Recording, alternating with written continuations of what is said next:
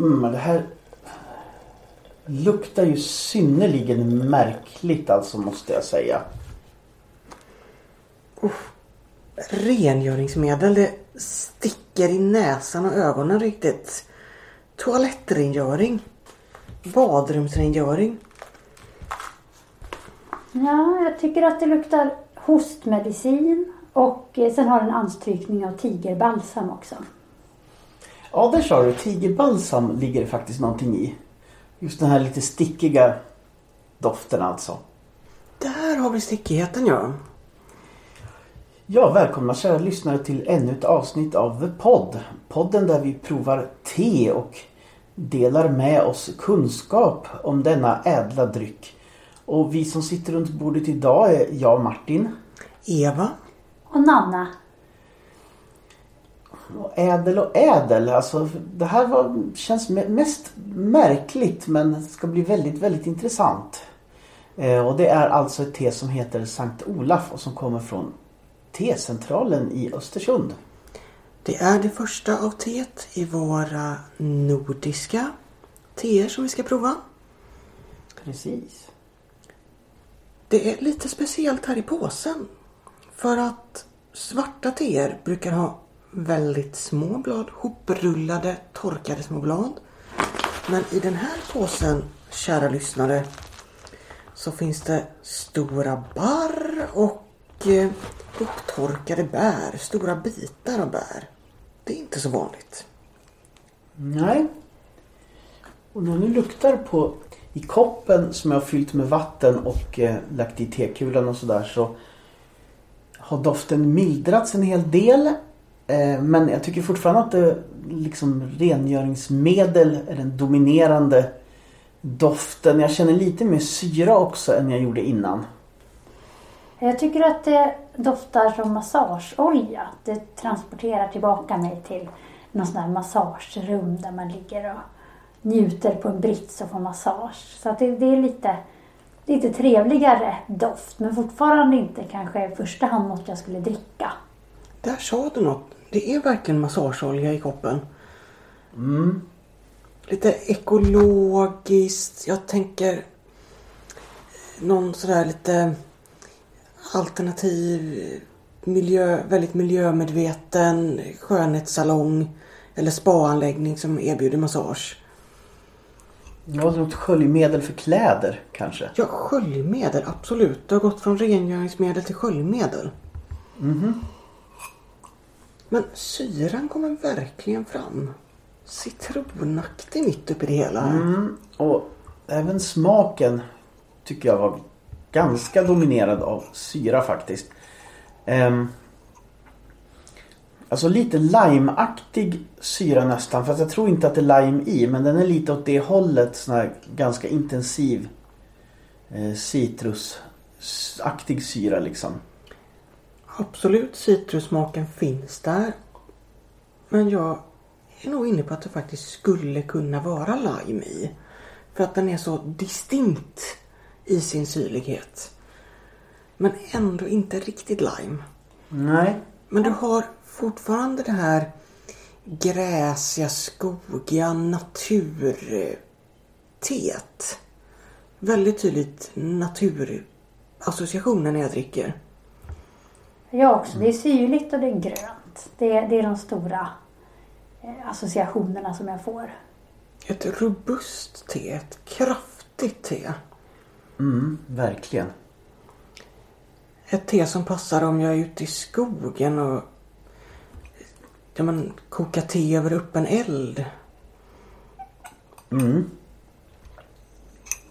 Ja, det har ju verkligen en anstrykning av barrträd alltså. Sån här allmän barrträds doft. Lite grann det här man tänker under nödår. Kanske man plockar ihop lite vad man har och dryga ut sitt te med liksom.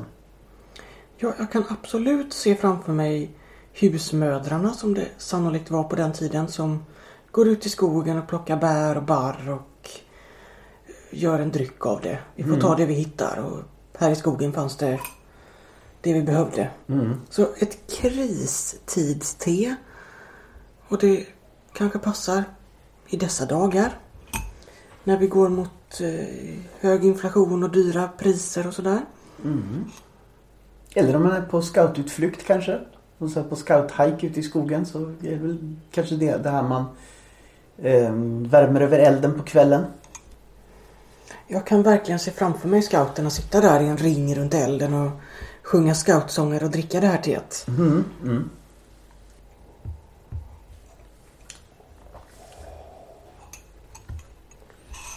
Vi ska berätta lite om namnet Sankt Olof också. Under medeltiden så fanns det en kung som hette Olof. Och han vandrade från Sverige till Norge för att återta sin tron. Han dog senare i Norge i närheten av Trondheim som på den tiden hette Nidaros. Och efter Olofs död så började under ske på platsen. Därför byggdes en stor kyrka, en domkyrka, Nidarosdomen. Och Olof han blev ett helgon, Sankt Olof. Den här vandringsleden som Olof hade gått, den blev väldigt populär som en pilgrimsled. Så människor vandrade i stora skaror genom Sverige upp till Norge. Det här var en av de mer populära pilgrimsvandringarna i Europa faktiskt. Sen kom ju reformationen till Sverige och pilgrimsvandringar det förbjöds. Sankt Olofsleden den förföll men nu är den igång igen och är tydligen populär sägs det. Har ni vandrat på den? Nej, det har jag inte gjort. Inte jag heller. Men den går genom Östersund där T-centralen har sin butik. Och därför så heter teet då Sankt Olof. Ah, spännande. Du har väl eh, facit på vad som är i det här också? Det har jag. Det är ett svart te. Och det märkte vi för det var mörkt i färgen. Det är nyponskal, granbarr, enbär, citronmeliss, fläderblommor, ringblommor, naturlig blåbärsarom, naturlig honungsarom, rosmarinolja. Och det här är ett ekologiskt te som kommer från en kontrollerad ekologisk odling. Ja, nyponskalen, då har vi förklaringen till syran i alla fall. För nyponskal är ju väldigt syrligt och jag vet att man får sånt här som jag inte alls tycker om. Eh, som man kan få ibland nyponte som en sorts örtte då gjort på, på pulveriserat nypon som är extremt syrligt. På, påminner lite grann om magsaft tycker jag. Det gör verkligen det. Det är magsaftet deluxe. Uff. Och rosmarin, ja då har vi ju återigen det här eh, som vi upplevde lite grann med det grekiska örtighet, Det här någonting som egentligen känns som att man har mer till mat. Alltså rosmarin är ju en krydda precis som salvia som man ofta har till fläskkött. När man till exempel lägger in en fläskfilé i ugnen och så. Och jag har ju använt rosmarinolja i håret som en inpackning så det är nog därför jag tänkte på olja också. En bidragande orsak i alla fall. Massageolja. Enbär tänker jag ju på köttgrytor. Mormor och morfars köttgrytor när jag var liten. Jag har faktiskt inte ätit så mycket enbär sedan jag var liten och de dog. Så det var ju spännande att få smaka på enbäret igen. Ja, ja det har man ju ofta till viltkött av olika slag. Och sen är det klart så, så är det det man smaksätter gin med också förstås. Det är sant, det gör man ju. Och fläder är ju lite syrligt. Eh, Lite strävt i smaken. Och det går ju igen här i teet. Ringblomma smakar ju sällan så mycket. Nej, men det är ofta med i eh, såna här te, fruktteblandningar. Och jag vet inte riktigt om det är för att ge smak eller om det är mest som dekoration. Sen är jag lite besviken. Massor av bär. Men varför har vi bara arom på blåbären och honungen? Ja, det är lite synd. Ja, honung det är klart man kan inte kanske ha honung, alltså flytande honung. Då skulle teet bli ganska klibbigt och svårt att hantera. Men alltså torkade blåbär kunde man ju ha haft förstås. Det tycker jag. Ja, jag sitter och tvekar lite grann mellan en två och en halv koppar eller en svag trea. För mer än så blir det inte. Ehm, men jag vill ändå ge det ett plus för att det här är ganska originellt. Alltså det är något helt nyskapande i tv-världen tycker jag. Så att det får bli eh, kanske tre koppar med ett öre avslaget eller någonting sånt. Eh, faktiskt. Då är det lite grann det är ju ett plus då för det nyskapande helt enkelt. Ja, absolut plus för originaliteten. Jag skulle aldrig kommit på att stoppa enbär i teet och absolut inte granbar. Men doften drar ner det rejält och smaken mycket bättre än doften men nej, det klättrar inte högre upp än en tvåa. Av mig så får det en trea för originalitet och för att jag faktiskt tror att det är någonting som jag skulle börja gilla mer om jag testade det flera gånger. Det finns, finns väldigt mycket smaker och smakkombinationer i det här teet att vänja sig vid. Så att jag tror att det skulle växa för mig om jag drack det flera gånger. Är du scout? Nej, det är jag inte. Nej men då är vi väl snart redo för nästa te kanske då. Det tycker jag. Ja. Vilken skum påse hörni ni. Här är öppningen inte längst upp utan på sidan. Ja, men jag tycker ändå den är, den är rätt praktisk för det är i alla fall sån här ehm, automatisk stängning sån här som man kan trycka ihop så att den blir stängd ordentligt. Ja, det är bra. Lite plast. Lite gum, gummiplastaktigt man kan trycka upp den. Och det är käckt. Mm. Här var också bitar av bär i teet. Mhm. Det luktar lite som att det här skulle vara en kusin till Sankt Olof. Inte lika skarpt.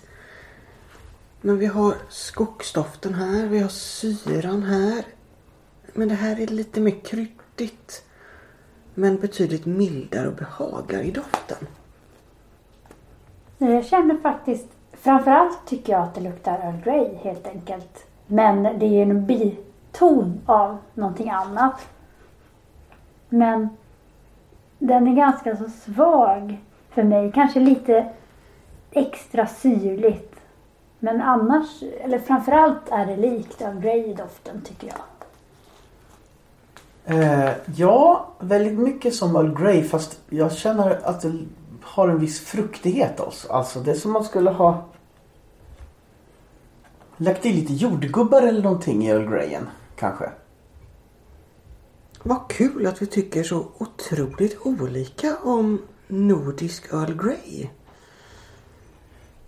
Ja. Som är från tehuset Java. Det är ett av deras jubileumsteer. Tehuset Java fyller 90 år i år. Yes. Luktar det i koppen? Ja, då luktar det mer som vanligt Earl Grey tycker jag. Fortfarande lite mer fruktighet. Ja, här försvann kryddorna och skogen lite grann tack och lov. Mm. Och det blir mer som ett vanligt Earl Grey-te. Men med en mer rikare doft. Mer komplex doft än vad ett vanligt Earl Grey med bara bergamottolja har. Ja, nej, jag tycker att det luktade ännu mer Earl Grey i påsen. Det är fortfarande Earl Grey som är basen. Men jag känner att eh, det är väldigt tydligt någon örtkrydda med. Eh, jag tycker framför allt att det luktar som oregano. Nu tror jag inte att det är det, men det är, det är den doften jag känner i alla fall. Så du får pizza-feeling här alltså? Ja, Ja, nej, jag tycker i så fall kryddigheten att det är mer av barr i så fall. Men jag tycker det som dominerar förutom själva Earl Greyet det är just någon liten sötfruktighet sådär. Även i smaken faktiskt nu när jag har smakat på det. Det är någon krydda, det är någon skog där. Ja, det är det. oregano finns kvar även i smaken, tycker jag. Earl Grey med oregano. Mm. Ja, jag kan inte riktigt specificera örtkrydda men oregano, nej. Nej, oregano är det inte. I alla fall. Jag känner också lite örtkrydda men nej, det är inte oregano. Lite som att någon skulle ha hällt kryddor i mitt frukostte. Mm.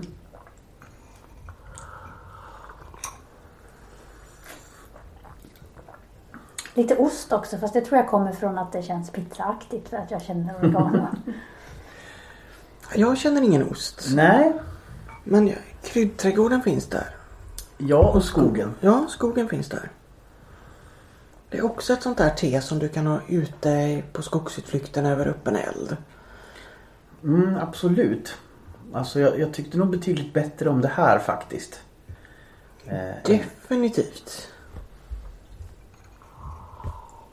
Det här kändes mer som ett tema, en so- sorts te man är van vid fast med lite originella inslag. Mer än ett i grunden originellt te. Ja, det kan jag definitivt hålla med om. Jag vill fortfarande ge det ett litet plus för det är någon slags ovanlig pikant detalj här i smaken och ingredienserna. Så någon har tänkt originellt. Ja. Men det är lite tråkigt. Välbalanserat men lite tråkigt. Lite för kryddigt för min smak. Mm. Ja, det kommer inte att få full poäng av mig. Eh, jag skulle kunna ge det en stark trea kanske. Jag tror inte att det kommer upp till en fyra riktigt ens. Faktiskt, det gör det nog inte. Men tre och en halv kopp kan det få av mig ändå. För att det är liksom gott och det är spännande, lite originellt. Men mest lite skumt egentligen. Det värmer väldigt skönt inuti. Det känns skumt men balanserat. Så två och en halv.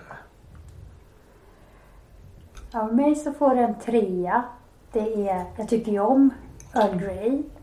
Eh, och den här kryddigheten den var lite originell men det känns väl kanske inte riktigt som det passar ihop. Men jag håller med dig. Kryddor har vi på mat. I te har vi andra saker. I alla fall inte just den här kryddigheten. Det finns ju alltså chai-teer och, och julteer som är väldigt kryddiga som jag tycker oerhört mycket om. Men det beror på vad som... Eller det beror väl på vad man kombinerar med dem. Ibland får man till det som en kryddblandning som passar. Men ibland kan det bli att det är massa element så att säga som inte passar ihop riktigt. Och här kändes det mer som att det inte passade ihop riktigt. Jag håller med dig. För att julteer och chai och sånt där är ju faktiskt väldigt gott. Men där förväntar jag mig kryddorna. Där vet jag att de finns. Där köper jag ju teet för att jag vill ha dem. Ja, och det är ju oftast sådana kryddor som vi kanske inte tänker på som matkryddor som är i chai-te också. Det är eh, kanel och, kardemumma och nejlika, kryddnejlika och, och så, som visserligen används i mat ibland eh, i en del. Alltså kardemumma används ju en del asiatiska grytor och så. Men, och kanel används också i, mat i vissa, men kanske inte så mycket i Sverige. Så. Eh, ingefära kan det vara, det kan ju vara både matkrydda och svartpeppar är det ju ofta i chai-te. Det är en matkrydda för oss. Eh, men jag kan ju faktiskt tala om att den krydda som är det här teet. Eh, det är något som vi är vana vid att ha i mat. Och det är timjan. Det var timjan det var. Ja, och det är det man normalt har i ärtsoppa faktiskt. Och förutom timjan då så är det ju Earl Grey, alltså det vill säga svart te med bergamott. Och sen så är det tallbar och sen är det skogsbär. Jag visste väl att det var barr i teet. Ja, Där kom skogen. ja. Men vad säger ni? Kan ni tänka er att dricka det här teet fler gånger? Ja, det kan jag. Eh, jo, men det kan jag absolut. Kan absolut tänka mig men jag föredrar vanligt Earl Grey. Jag kan hålla med dig, men jag kommer nog att dricka det fler gånger. För det var lite spännande. Jag dricker många gånger hellre det här än jag dricker Sankt Olof en gång till. Det kan jag ju säga. För där behöver man lång tillvänjning. Ja, jag dricker också hellre det här igen faktiskt. Kanske inte till frukost dock. Alltså vanligt Earl Grey händer att jag dricker till frukost. Men det här kanske blir någon gång senare på dagen. Alltså till frukost skulle jag nog känna att det var lite för skumt. Och då behöver man något som man liksom vet att man verkligen trivs med och kommer igång med. Eh, men alltså till eftermiddagsfikat eller så, ja. Till, på kvällen. Kanske framförallt på kvällen i så fall faktiskt. Jag känner att det skulle passa till mackor eller kanske en kall pizzabit eller en kall pajbit. Någonting sånt. Så att eh, jag skulle nog gärna dricka det till någonting annat än sött fikabröd. Ja. men till mackfikat, både det och Sankt Olof. Eller till någon väldigt kraftig söt chokladtårta eller så som kan konkurrera med den robusta rustika smaken. Du, det har du rätt i. Det skulle nog passa väldigt bra just till, till chokladtårta när du säger det faktiskt. Just för att eh, kraftigt möter kraftigt så att säga. Men vi har faktiskt fått en liten läsarreaktion här och det är Mikael som undrar varför vi fikar så mycket till våra teer och inte äter mat. Han säger att det är jättegott att dricka te till mat och det brukar han göra. Ja, det, det är faktiskt en bra fråga. Eh, nej men så är det väl oftast. Eh, men vi dricker ju faktiskt te till mat i ett avsnitt. Eh, och det är ju när vi eh, äter sushi. Då dricker vi ju eh, genmaicha, det här eh, japanska gröna teet med rostat ris i till. Just det, det var ju också en sån där oväntad ingrediens i ett te.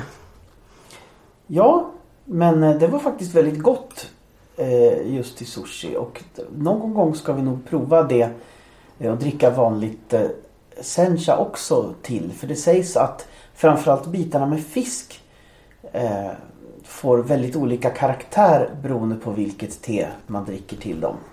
Men Mikael, vi kan absolut ta en macka till nästa The Podd och testa te till det. Eller prova te till mat. Jag har länge funderat på om jag inte borde prova att dricka mer te till maten. För att det är ju en frukostdryck för mig. Och en fikadryck och en sån där hålla dig vaken på jobbet dryck. Ja, Men te borde ju passa alldeles utmärkt till väldigt många maträtter egentligen. Så jag tror att det mycket är en kulturell företeelse att här i Sverige och i delar av norra Europa och sådär så dricker vi te till fika eller till frukost medan i andra delar av vår värld, till exempel i- vissa asiatiska länder och så, så dricker du mer te till maten. Ja, visst är det så. Eh, det bästa svaret på frågan är nog helt enkelt att det är en kulturfråga framförallt. Mer än någonting annat. Här vill vi ju gärna komma i kontakt med någon som faktiskt dricker te till maten. Och få lite tips på men vilka teer passar bra till vilken mat. Ja, och vi vill gärna ha fler medverkande till kommande avsnitt.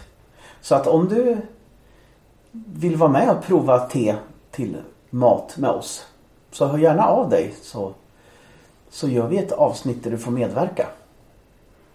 Du får gärna höra av dig om du har något favoritte eller något spännande te som du tycker att vi ska prova. Hur når man oss? Eh, lättast är det att mejla oss på thepod at outlook.com och thepod stavas med th och är ett ord. Det var allt vi hade att bjuda på idag, kära lyssnare.